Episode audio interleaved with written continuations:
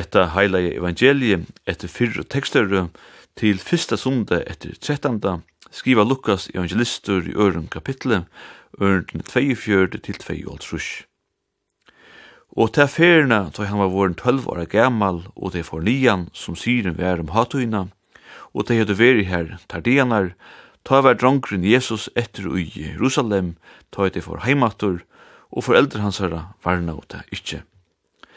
Men jeg tog at jeg hilde at han måtte være vi i fredagen, hilde til leiene fram en dag, og til leita og etter honom til skilfølget herra og kunningun. Og ta det ikkje funnet han, vendte de om at til Jerusalem og leita og etter honom.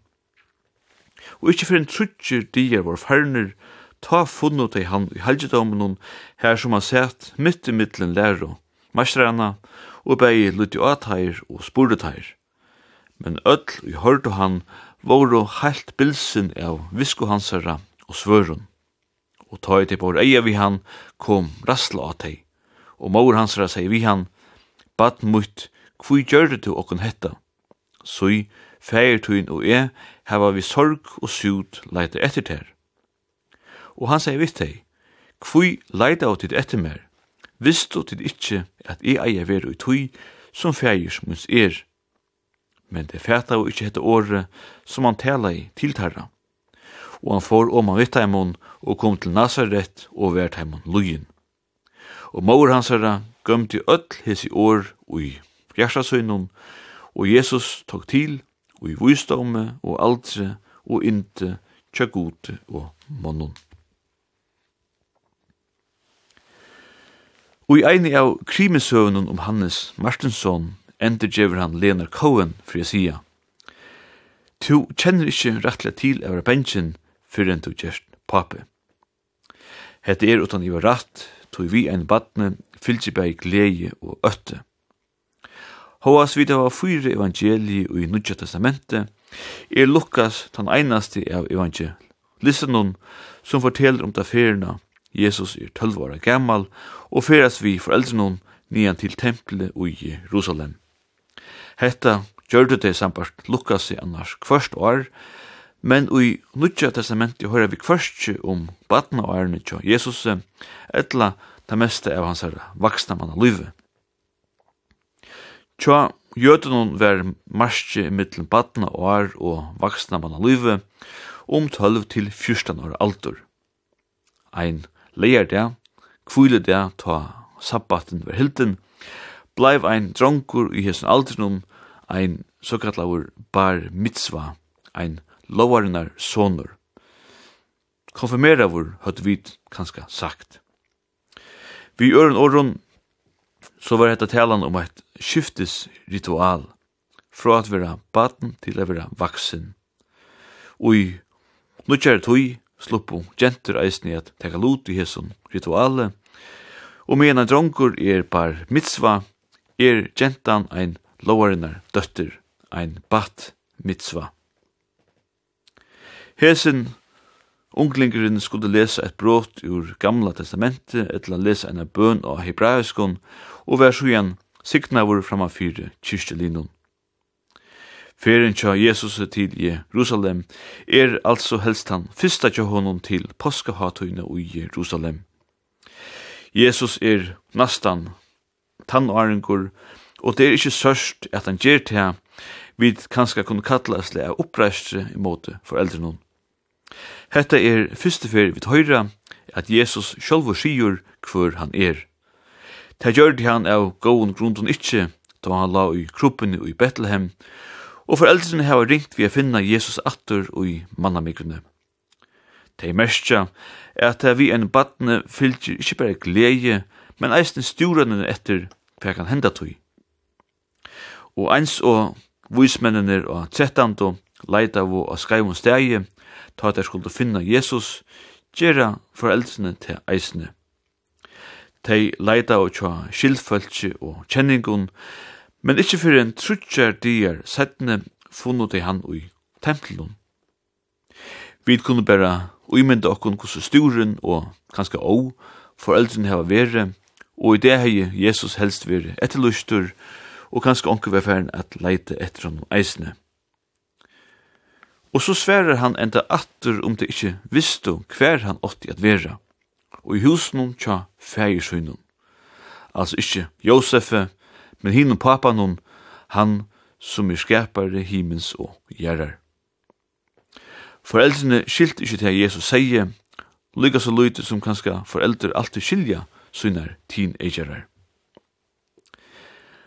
Danske presteren og heimspekingren Knut Eiler Løgstrup skriver i einan av sinne prætikon fra 1923 at det ikkje var tøy at Jesus som menneska var meira enn det vanlige og eitfer at han var han han var.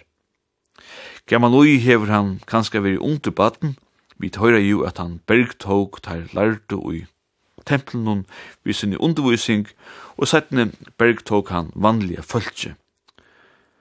Ikkje skåren fyre, tungebande og vi tog han gjør det. Men løgstrup minner også, er så langt Jesus var baden og underbaden, kunne folk være hodtidgen av honom.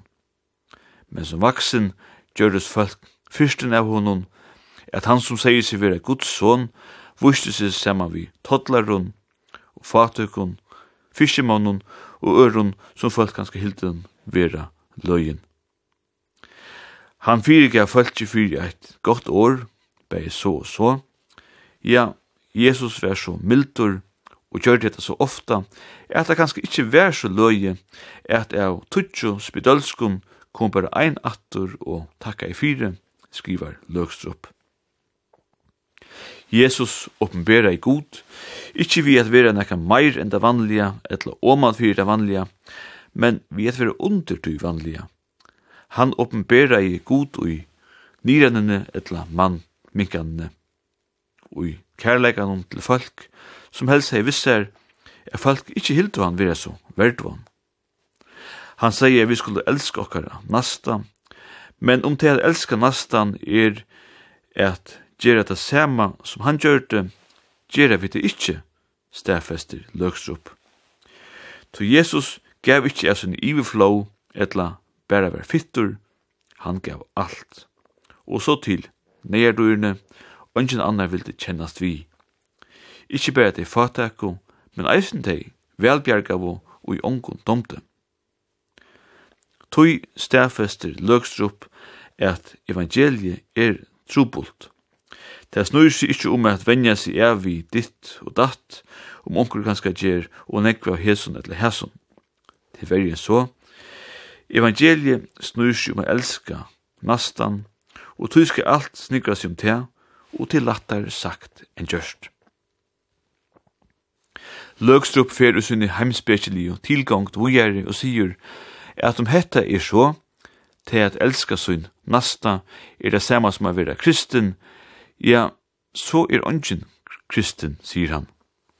Du helst er det ungen i fyr så lengt som Jesus og i elska nastan. Tu sier Løgstrup at om alt er båre ikkje vær, ja, så var heldur ongen, kyrkja, til her god fyrirgjever okkun, fyrir ikkje at elska okkara nasta, no nekv. Til her vi kunne kalla okkun kristin menneskjo. Jesus var et underbaden og viste hetta som holdvaksen her han underviste professoren i tempelen. Men som vaksen setti han seg sjolvan lokt vi at være omtei og ingen annar skøtti om.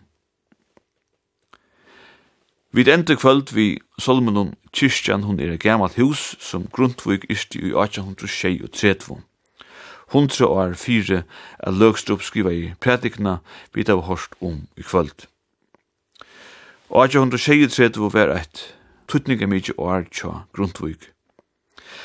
Hetta året voru 401 solmur etter han utgivnir ui versinun sangversk til den danske kirke samlet og lempet av Nikolai Fredrik Severin Grundtvig. Åre sangversk er tidsi fra tui klokkespelen som gjekk til grundar ta den gamla vår frue kyrke vær og løgt ta onglendingar bomba og Kjeppanhavn i 1806. Klokkespelet spalte eit solmalea kvann tøyma og kallaist tøy sangversk heratrætt eit ein gammal tyskur solmur ur 16. öld sangversk hins kristna og i snu seg om tja kristnun til tøyinar og tøyina. Grundtvig hei hesebæg ui hua, tyska solmen og ta bomba og var frue kirske, ta han iskir.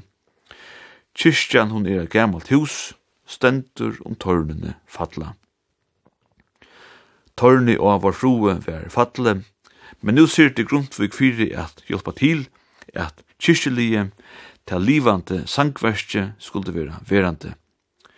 Til eins og klokkan set ui tørnen ui kyrkjene, situr barstjen overlige av menneskjanon.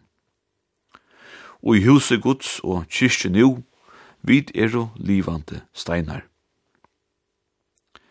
Kyrkjan og halgedomeren standa om tørnene fettla, tog vid og okkara naste er kyrkjan, og tilber a finna Jesus i halgedomen som foreldrene gjør det eins vel og ut i fatak av fjósen her vismennir funno Jesus. Jakob Dahl føreskar i Solmen i 1925, leie eier Knut Olsen, og er av fløvene Mai Mynd fra 2020, vi løven etter Knut Olsen, vi tøyra Tariro Sintja Kyrkjan, hon er et gammalt hus. Gåan, sånn og det. Kyrkjan.